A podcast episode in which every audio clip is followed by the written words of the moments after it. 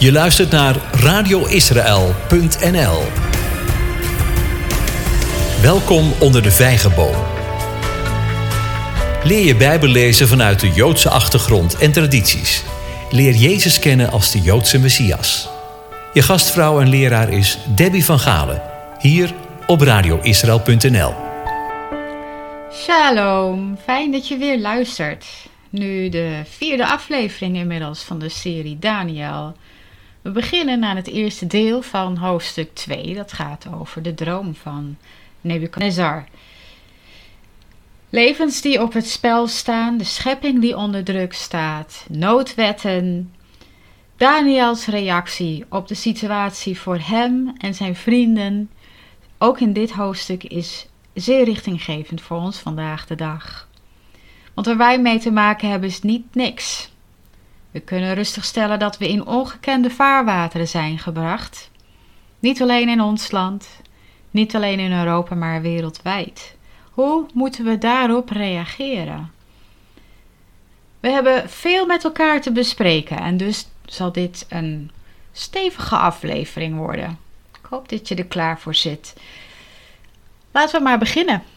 Eh, hoofdstuk 1, uh, 2 bedoel ik, hoofdstuk 2, wel vers 1.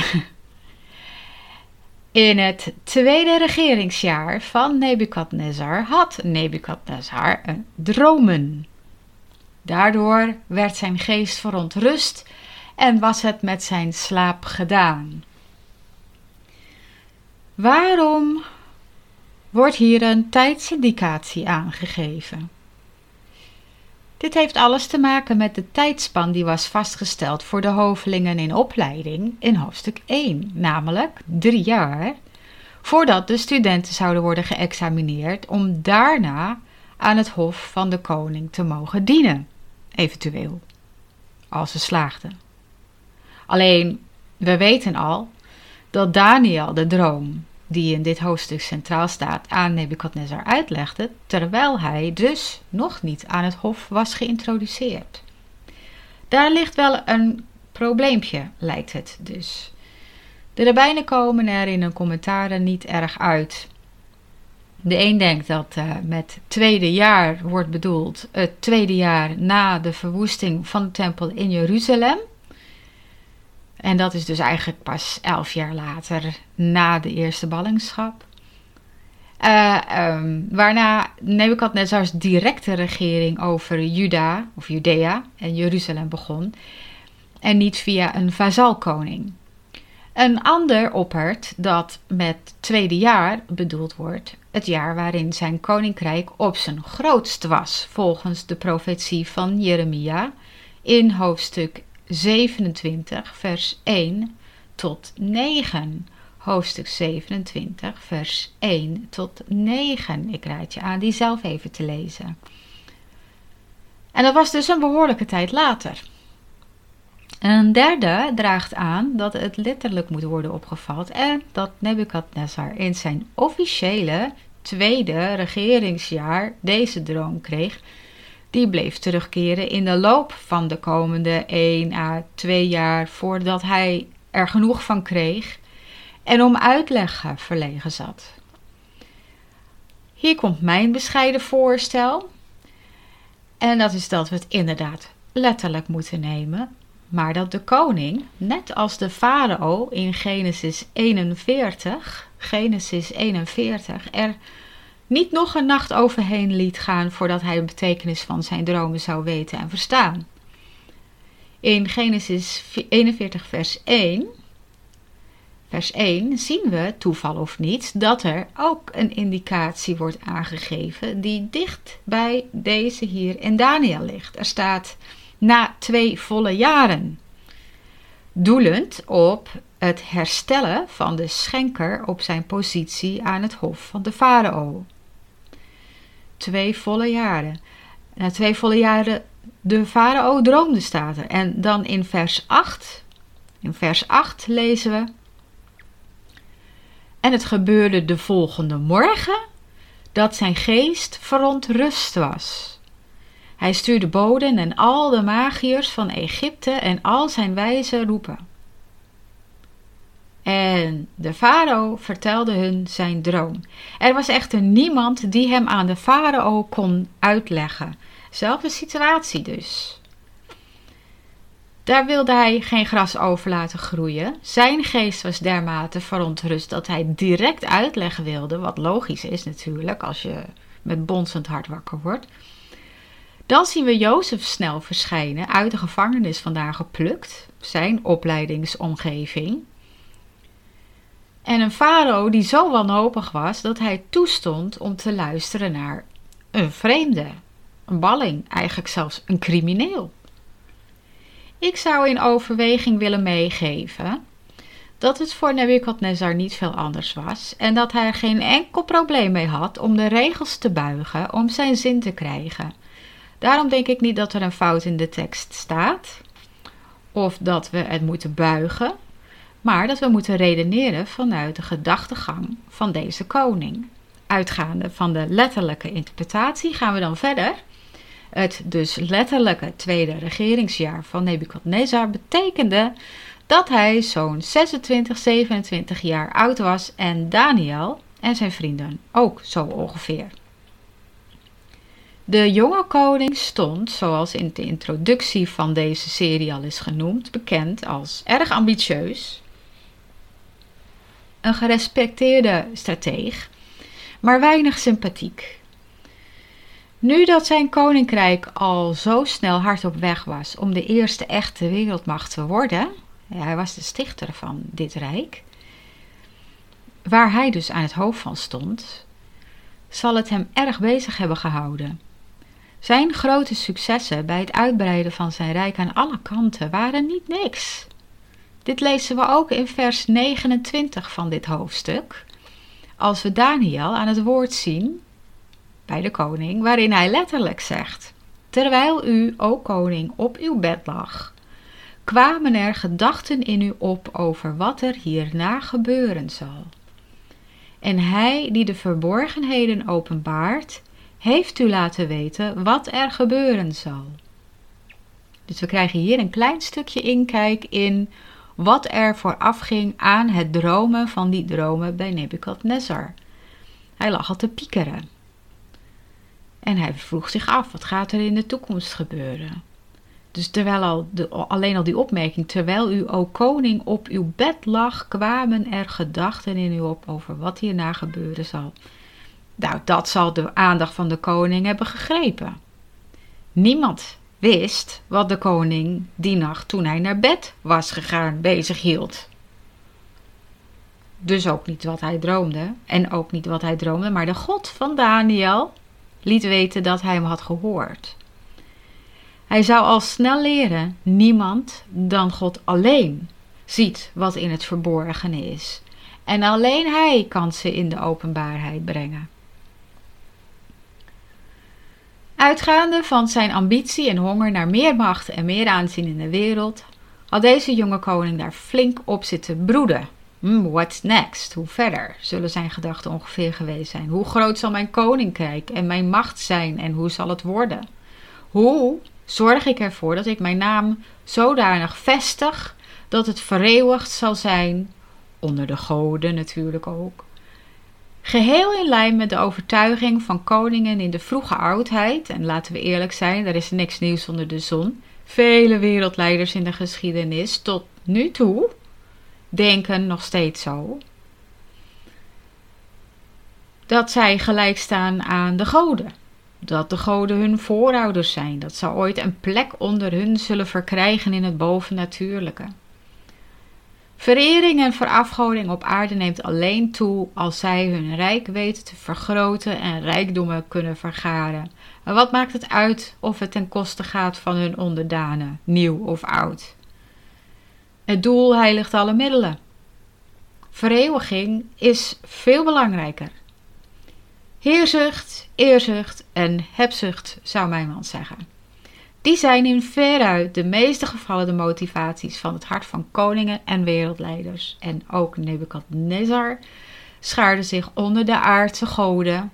En het liefst werd hij de aardse oppergod, die in de eeuwigheid ook deze positie zou winnen.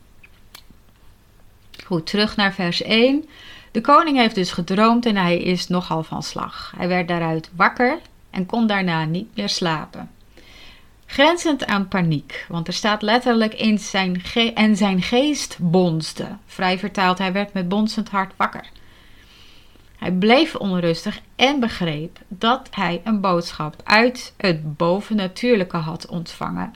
Die kon niet worden genegeerd. Dus in vers 2 lezen we toen zei de koning dat men de magiërs, de bezweerders, de tovenaars en de galdeeën moest roepen om de koning zijn dromen bekend te maken. Zij nu kwamen en gingen voor de koning staan. Beter gelezen staat er, en de koning zei, niet toen de koning zei, eh, waardoor we een opsomming van gebeurtenissen vlak achter elkaar zien.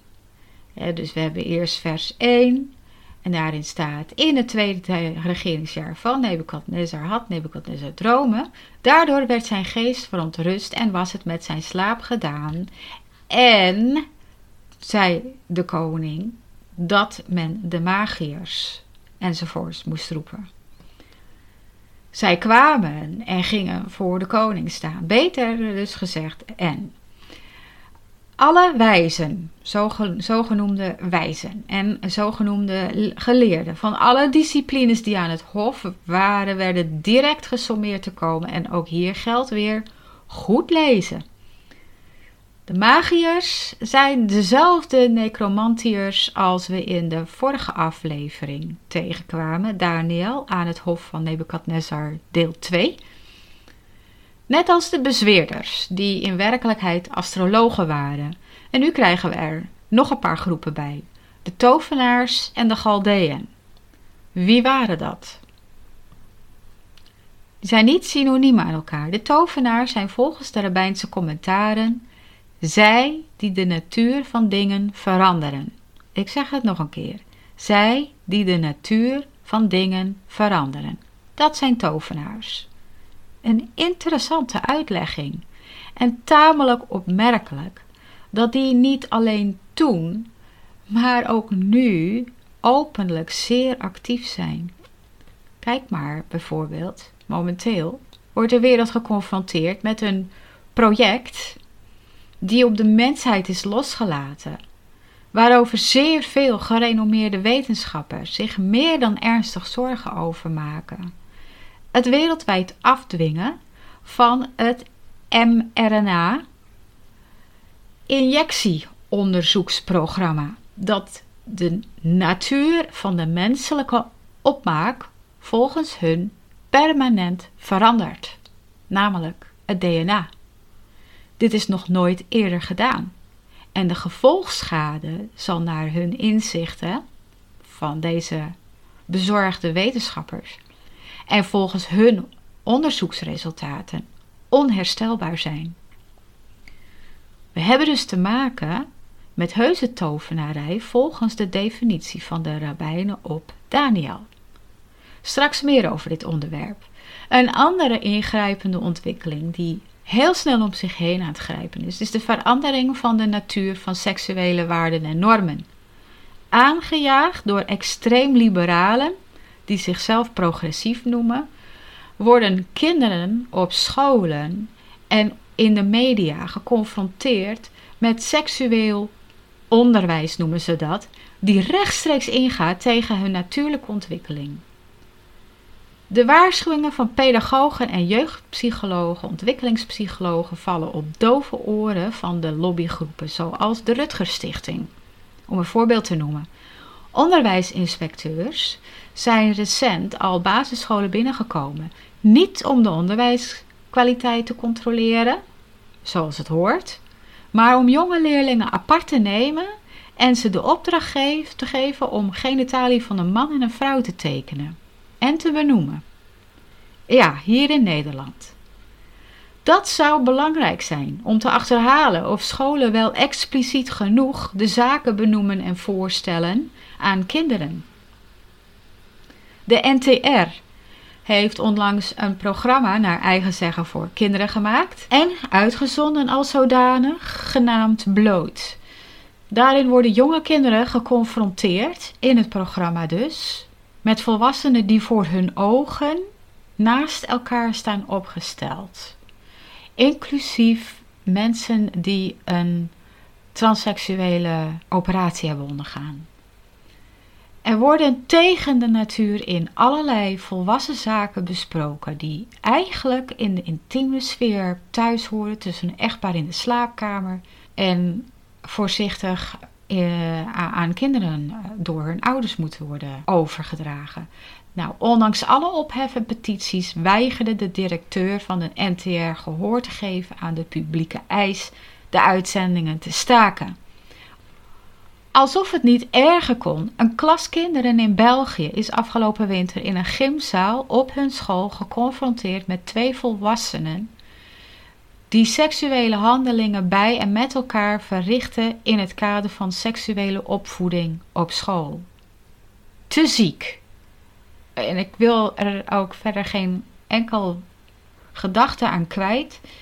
Maar het is in dezelfde context dat er ook een stroming uh, is die snel in kracht heeft toegenomen die openlijk stelt dat biologische verschillen tussen jongens en meisjes niet bestaan, niet mogen worden erkend. Het mag niet worden onderwezen op scholen en het mag ook niet worden uh, gezegd door ouders.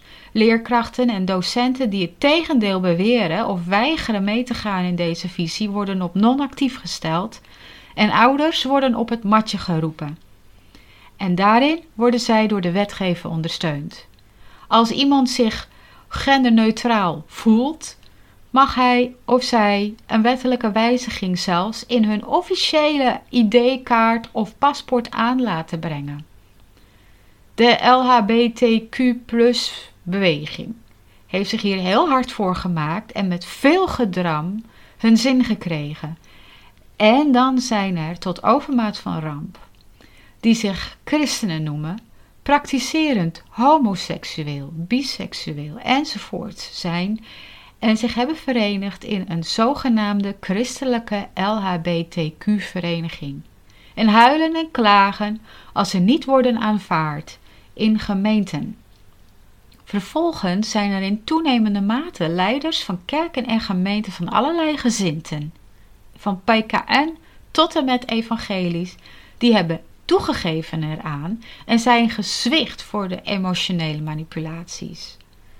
Dit allemaal in de lage landen, maar ook wereldwijd. Ten laatste wordt ook al tientallen jaren in de voedselindustrie genetische manipulatie op zaden toegepast, bijvoorbeeld, om de natuurlijke opmaker van permanent te veranderen. Veel groenten en fruit die wij nu in de winkel kopen, hebben niet meer de potentie om te ontspruiten en te vermeerderen op natuurlijke wijze. Het is veranderd. De natuur van de dingen zijn veranderd. Als je een wortel in de grond stopt, gebeurt er niet veel meer mee. Je zult op, steeds opnieuw zaden moeten kopen die genetische manipulatie hebben ondergaan om groenten en fruit te telen. Volgens de definitie die de rabbijnen geven voor tovenaars, namelijk nog een keer zij die de natuur van dingen veranderen, hebben we op deze terreinen en andere terreinen duidelijk te maken met pure, openlijke toverij. Zeker op het gebied van de seksuele intimidatie waarmee we te maken hebben, behoren mensen die zich christen noemen en zich aan deze uh, zaken schuldig maken of ermee instemmen, tot de groep die de leer van Biliam, de leer van Izebel en de samenkomst van de Satan vormen. Wij dienen ons niet met deze personen te associëren en deze leer en de aanhangers ervan met klem af te wijzen indien wij ware volgelingen van Jezus de Messias en Verlosser van de wereld zijn, en waardig kunnen worden geacht voor Hem te bestaan. In Lucas 21, vers 28, Lucas 21, vers 28 zegt Jezus, wanneer nu deze dingen beginnen te geschieden, kijk dan omhoog en hef uw hoofd op, want uw verlossing is nabij. En verder in vers 31, vers 31, zo ook u, Wanneer u deze dingen zult zien geschieden, weet dan dat het koninkrijk van God nabij is. En in vers 36, vers 36, waak dan te alle tijden en bid. Bid dat u waardig geacht zult worden om al de dingen die gebeuren zullen te ontvluchten en om te kunnen bestaan voor de zoon des mensen. Ik zal straks nog wat dieper ingaan op de toverij achter het grootste hedendaagse farmaceutische experiment ooit. Maar laten we eerst nog eventjes de Galdeën in deze groep die voor de koning stond te identificeren. Deze naam is ehm, van een Latijns-Oud-Griekse versie van het Hebreeuwse woord kasdim, uh, eindigend op een mem. De Galdeën waren als volk de oudste bewoners van de regio. Kijk ook maar in Genesis 11. Genesis 11. Uh, en ze zijn een samensmelting van diverse Semitische stammen die zich vestigden in het ons bekende Mesopotamië. Job van het gelijknamige Bijbelboek is behalve Nimrod de ons oudst bekende inwoner van de regio.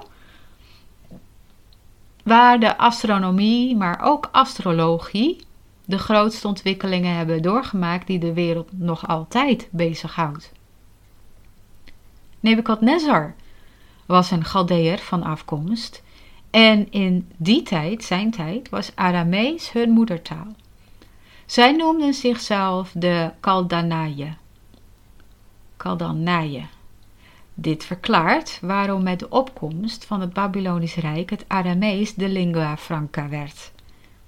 Galdeën staan vrijwel synoniem met astrologie en dus afgoderij en tovenarij. Aan het hoofd van Nebukadnezar waren derhalve astrologen van vermoedelijk allerlei afkomsten uit de regio die de kunst in hun ballingschap daar hadden geleerd van de oude Galdeën die daar meesters in waren. Daarom wordt de laatste groep nog eens apart benoemd. Goed, zoals beloofd, ik heb iets met u te delen dat mij ervan overtuigd heeft dat wij te maken hebben met een groot duister werk van de Satan door het gentherapie-experiment waar de wereld aan onderworpen is, via pure toverij van de farmaceutische industrie. De Satan is de tegenstander van het koninkrijk van God. En de industrie die zich als heersers hebben opgedrongen aan ons, zijn dat ook, zijn ook de tegenstanders van het koninkrijk van God. U weet dat het symbool voor deze industrie een slang is. Ik vertel u niets nieuws. U weet hoe de slang in de Hof van Ede de vrouw betoverde en verleidde door haar op een dwaalspoor te zetten in haar gedachten. U weet ook hoe haar man eveneens door dezelfde betovering werd bevangen, waardoor zijn wijsheid en bezonnenheid finaal geen plaats hadden.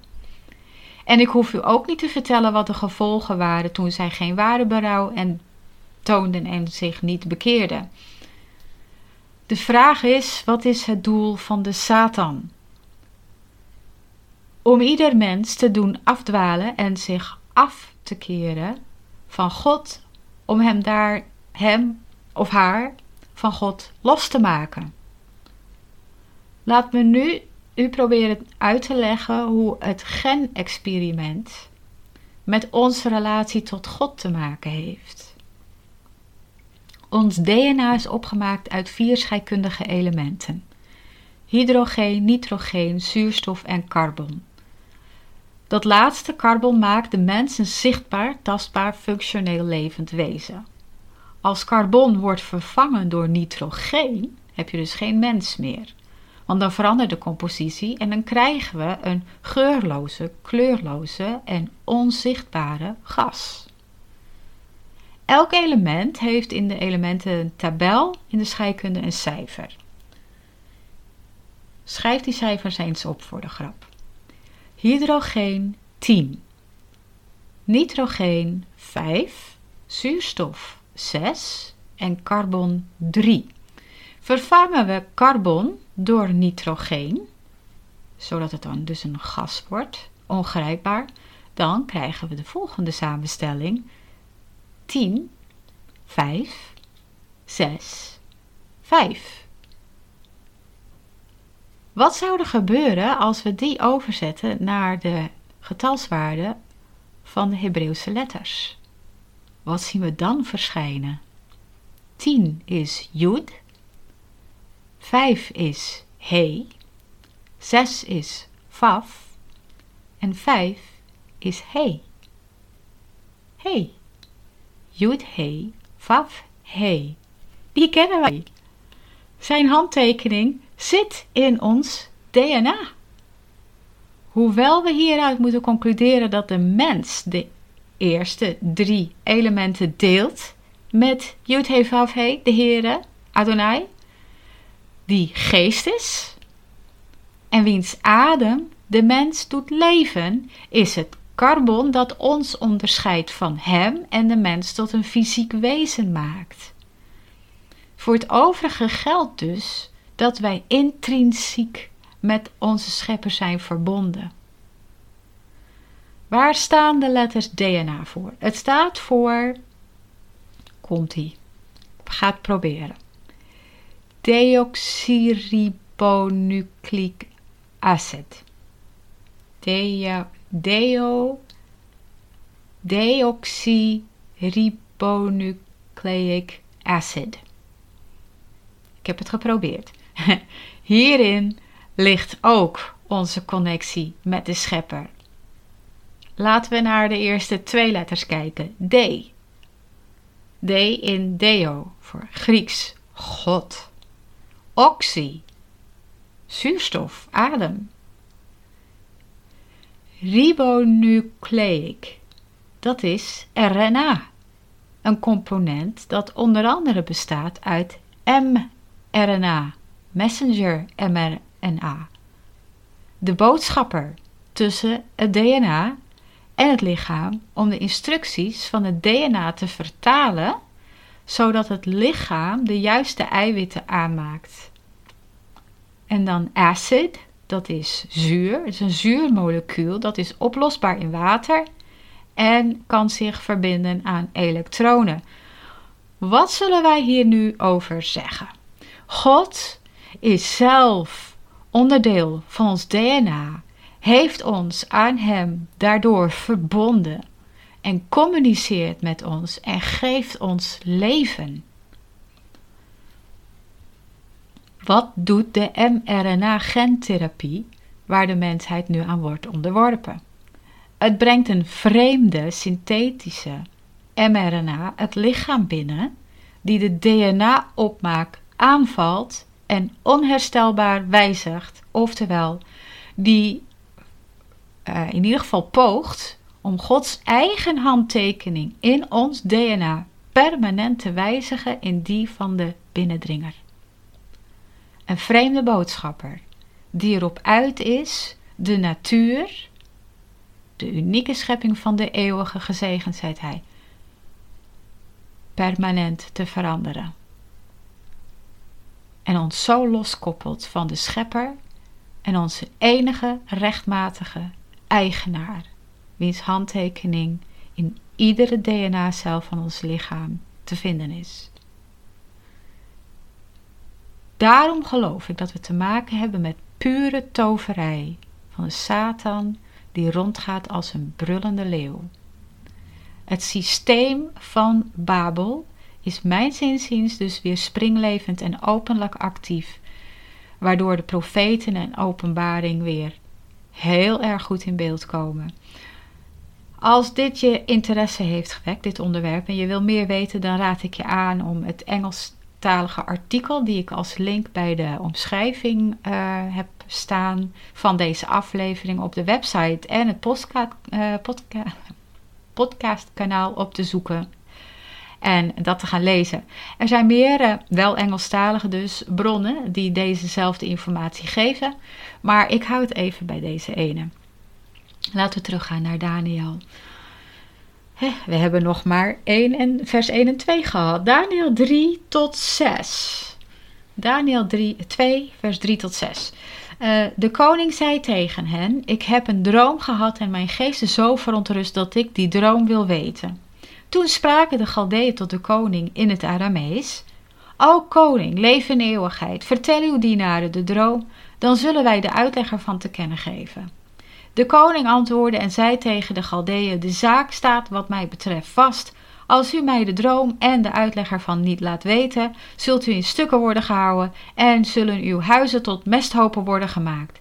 En als u de droom en de uitleg ervan wel te kennen geeft, zult u geschenken, een beloning en bijzondere eer van mij ontvangen. Daarom geef mij de droom en de uitleg ervan te kennen. Nou, is toch curieus te noemen, hè? dat de koning zegt dat hij de droom wil weten als hij die zelf heeft gedroomd en niemand anders.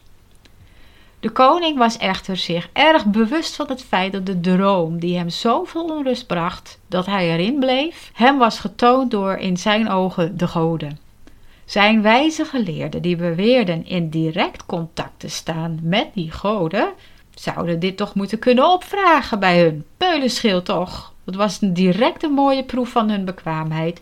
En zo zou hij zeker weten dat de uitleg ervan ook betrouwbaar was. Daarin werd de koning dus ernstig teleurgesteld, wat hem bijna tot waanzin dreef. Als de volksgenoten, zijn volksgenoten en oudste groep, bedreven in hun moedertaal, het waren natuurlijk de Galdeeën, die spraken namens de hele groep, een redelijke vraag stellen. Vertel ons toch uw droom. Nou, het ging niet zo goed. Ik weet niet wat uw Bijbelversie voor vertaling hier geeft voor het antwoord van Nebukadnezar. Bij mij staat er dus de zaak staat wat mij betreft vast, maar het staat er niet. Er staat eigenlijk de zaak is mij ontglipt. De zaak is mij ontglipt. Speelde de koning het nou of meende hij het toen hij daarop zei dat hij zijn, zijn droom niet meer kon herinneren? Was het hem echt ontglipt? Gezien het gegeven dat hij met bonkend hart er wakker van was geworden en daarna niet meer slapen kon. Nou, ik weet niet hoe het met u zit, maar mijn eigen ervaring is in dat die ene zeldzame geval dat mij zoiets overkwam, kon ik mij precies herinneren wat ik droomde. En tegelijkertijd wilde ik het me eigenlijk ook liever niet herinneren. Dus door verder geen aandacht aan te schenken, verdwijnt zoiets op de achtergrond, in de vergetelheid. Maar door het wel hardop te beschrijven, ja, dan krijgt een droom geloofwaardigheid. Wordt het echt, blijft het hangen.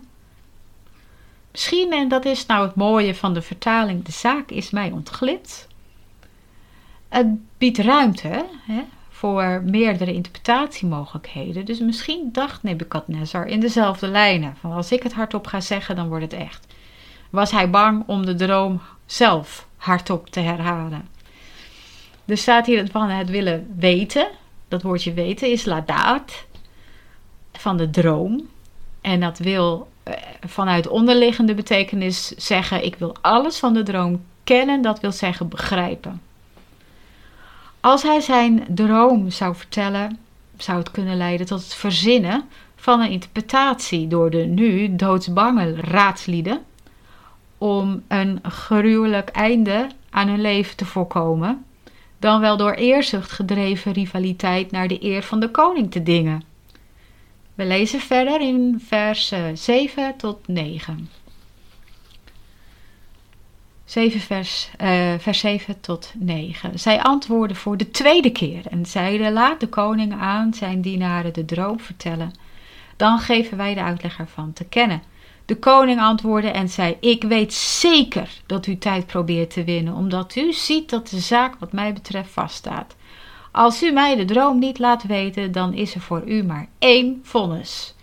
U hebt met elkaar afgesproken om een leugenachtig en bedriegelijk woord tegen mij te zeggen, totdat de tijd zou veranderen.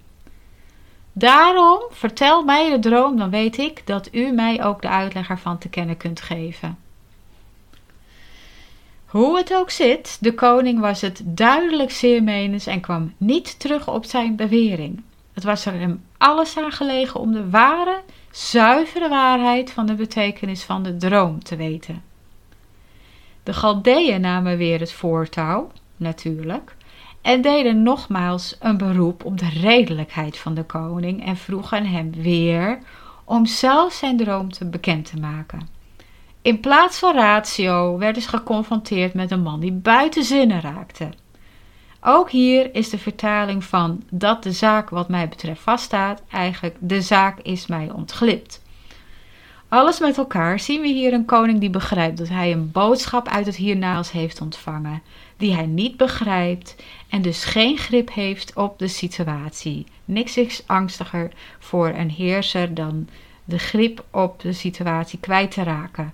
En paranoia is een kwaal waar vele tirannen aan lijden. Nebukadnezar zeker ook. Bang dat hij zal worden bedrogen en voorgelogen, dreigt hij met het meest definitieve vonnis, de doodstraf en de herinnering aan hun, om die voorgoed weg te vagen. Er is een vergelijkbare uitdrukking van dan is er voor u maar één vonnis. En die vinden we in Esther 4, vers 11. Esther 4, vers 11. Daarin lezen we: Zijn enig vonnis is. Zijn enig vonnis is. Waarmee wordt aangegeven dat er geen uitzondering zal worden gemaakt op de regel en geen gratie zal worden verleend. Hij eist, de koning eist slechts, tussen aanhalingstekens, dat zij hem vertellen wat hij droomde, want dan alleen zou hij ook overtuigd zijn van de juistheid van hun uitleg en zouden zij hun noodlot ontlopen. Nu waren deze mannen in paniek. We lezen in eh, vers 10 en 11. Versen 10 en 11. De Galdeën antwoorden tegen de koning en zeiden: Er is geen mens op de aardbodem die de zaak van de koning te kennen zou kunnen geven. Daarom is er ook geen koning, hoe groot of machtig ook, die een zaak als deze gevraagd heeft van welke magier, bezweerder of galdeer dan ook. Want de zaak waar de koning om vraagt is te moeilijk. Er is niemand anders die het in de tegenwoordigheid van de koning te kennen kan geven dan de goden, die hun verblijf niet bij de schepselen hebben. Natuurlijk was het volkomen redelijk om dit te bedden te brengen, maar de koning was zonder reden en onvermurfbaar. Niemand onder hun kon voldoen aan de eis van de koning. Tegelijkertijd ondertekenden de Galdeën met hun beroep aan de koning hun doodsvonnis, want ze verklaarden feitelijk eh, daarmee ook dat hun kennis en inzichten die zij claimden te ontvangen van de goden waarmee zij in direct verbinding zouden staan, waardeloos waren. Nebuchadnezzar zal hebben geconcludeerd dat hij zich heeft omringd met de leugenaars en bedriegers waar hij juist zo bang voor was. Dat, of er was een gewest in de hemel waar de leugengeesten geen toegang tot hadden, maar waar vandaan de droom wel was gegeven. Dan waren de claims van zijn raadsleden nog steeds waardeloos en dat verzwakte zijn positie. In Jeremia 50 vers 2, Jeremia 50 vers 2 lezen we dan ook de aanzegging van de ondergang van zijn rijk. Verkondig onder de heidenvolken, laat het horen, hef een banier omhoog, laat het horen, verberg het niet. Zeg, Babel is ingenomen, Bel staat beschaamd. Merodach is verpletterd. Zijn afgoden staan beschaamd. Zijn stinkgoden zijn verpletterd. Mooi hè? Stinkgoden. Daniel 2 vers 12 en 13. 2 vers 12 en 13. Hierdoor werd de koning woedend en zeer verbolgen en hij beval dat men al de wijzen in Babel om moest brengen. De wet ging dan uit dat de wijzen ter dood gebracht moesten worden. En men zocht ook Daniel en zijn vrienden om ter dood gebracht te worden. Echt, eh, er is helemaal niks nieuws onder de zon. Noodwet toen, noodwet nu. Zowel in deze context als de context van onze tijd is die gebaseerd op het totaal gebrek aan rationaliteit en redelijkheid en vertreedt bovendien de basale grondrechten van mensen met beide voeten. En dan hebben we het over God gegeven grondrechten. Het is een manier om een totalitair regime aan de bevolking op te dringen. We hebben net de aanwijzing in Esther 4 gezien hoe rigide en wreed die wet was. En we zien het nu weer dezelfde kant op gaan in de tijd van Daniel hier in dit hoofdstuk. Er zou geen uitzondering op de regel worden gemaakt en er zou geen gratie worden verleend. De angst onder de bevolking sloeg toe, zoals de angst ook onze wereld plotseling overviel en in stand is gehouden nu al deze tijd. Laten we bidden en God smeken om genade, zodat Hij de zaak voor ons niet zo ver laat komen dat uitzonderingen op de regel en gratie niet meer zouden worden verleend. Zoals de zaken zich nu hedendaags ontwikkelen, zit dat er wel in, zit dat wel in de pijpleiding. Maar onze God is Heer over alle heersers, de Almachtige in wiens handen ons levenslot veilig ligt. Het leven van alle raadslieden, kennelijk ook nog dus die nog in opleiding waren, werd dus nu ernstig bedreigd. Daniel en zijn vrienden niet uitgezonderd. Voor ons geldt hetzelfde. Voor het gevaar dat de wereld bedreigt, zijn de gelovigen in Jezus niet uitgezonderd. Het treft ons allemaal en het zal iedereen nog erger treffen. Wellicht denk je nu dat ik zit te overdrijven. Ik zou wel willen dat ik het met je eens kon zijn. Wellicht denk je dat het echt niet zo ver gaat komen en dat al die berichten erover thuis horen in het kamp van, eh, weet ik het, complottheorie of zo. Toen het nieuws Daniel bereikte, had hij dat ook bij zichzelf kunnen denken. Kom op zeg, dat is echt overdreven. Weer zo'n complottheorie waar dit hof mee is doordrenkt. Trek deze les van Daniel, want gelukkig was zijn respons anders. En dat is voor ons de leidraad nu. Ga naar vers 14 en 15. Toen wendde Daniel zich met raad en verstandige woorden tot Arioch, het hoofd van de lijfwacht van de koning. Die was uitgetrokken om de wijze van Babel ter dood te, te brengen. Hij nam het woord en zei tegen Arioch, de bevelhebber van de koning: Waarom is dit bevel van de koning zo overhaast uitgegaan? Hm? Noodwet. Toen liet Arioch Daniel de zaak weten. Het leger had opdracht gekregen om alle wijze mannen van het land te executeren, ter plaatse. Wat een verbijstering en radeloosheid zal er over hun gekomen zijn.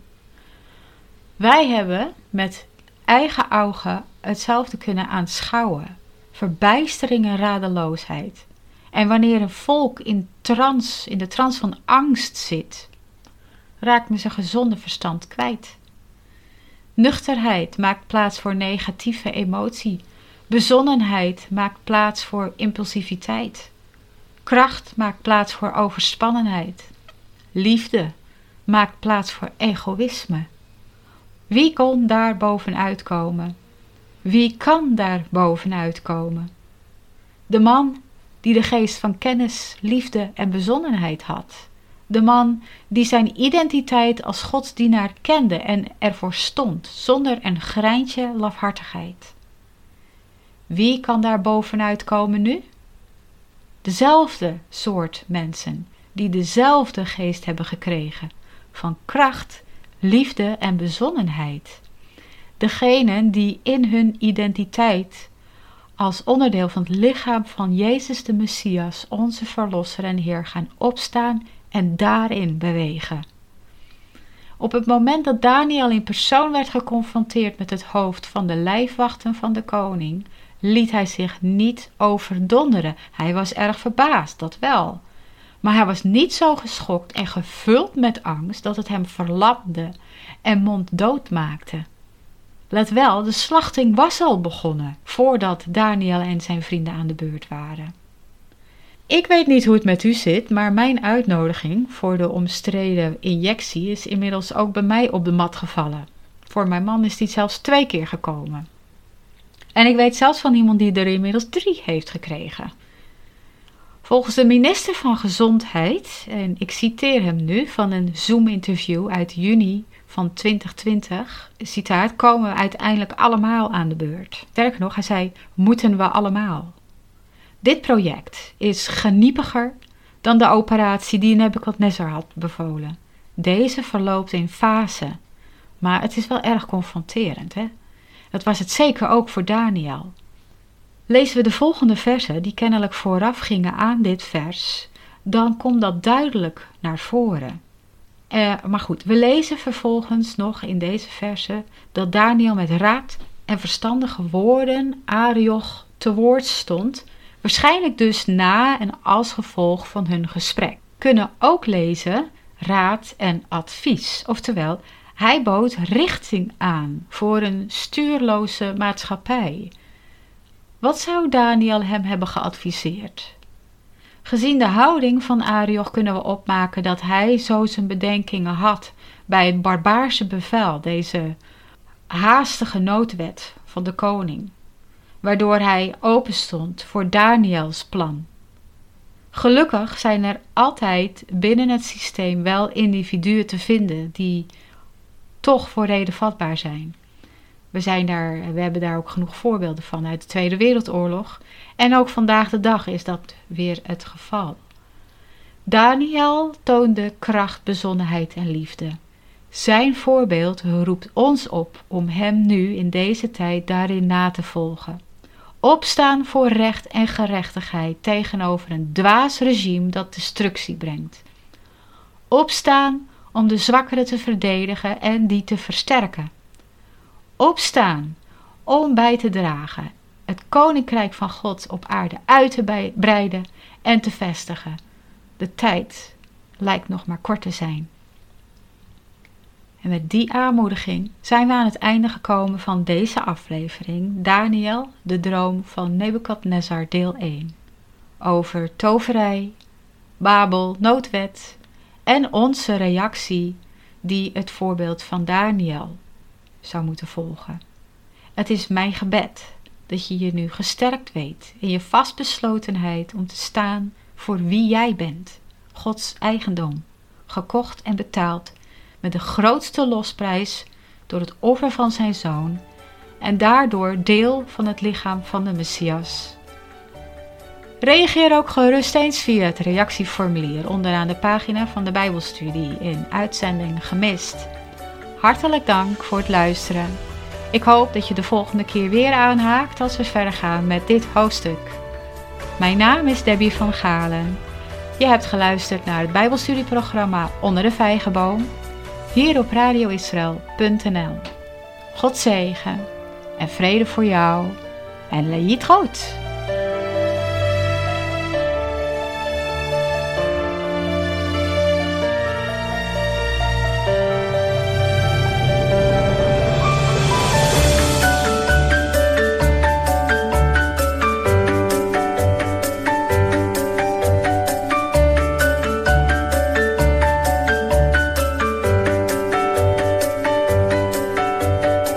Je luistert naar radioisrael.nl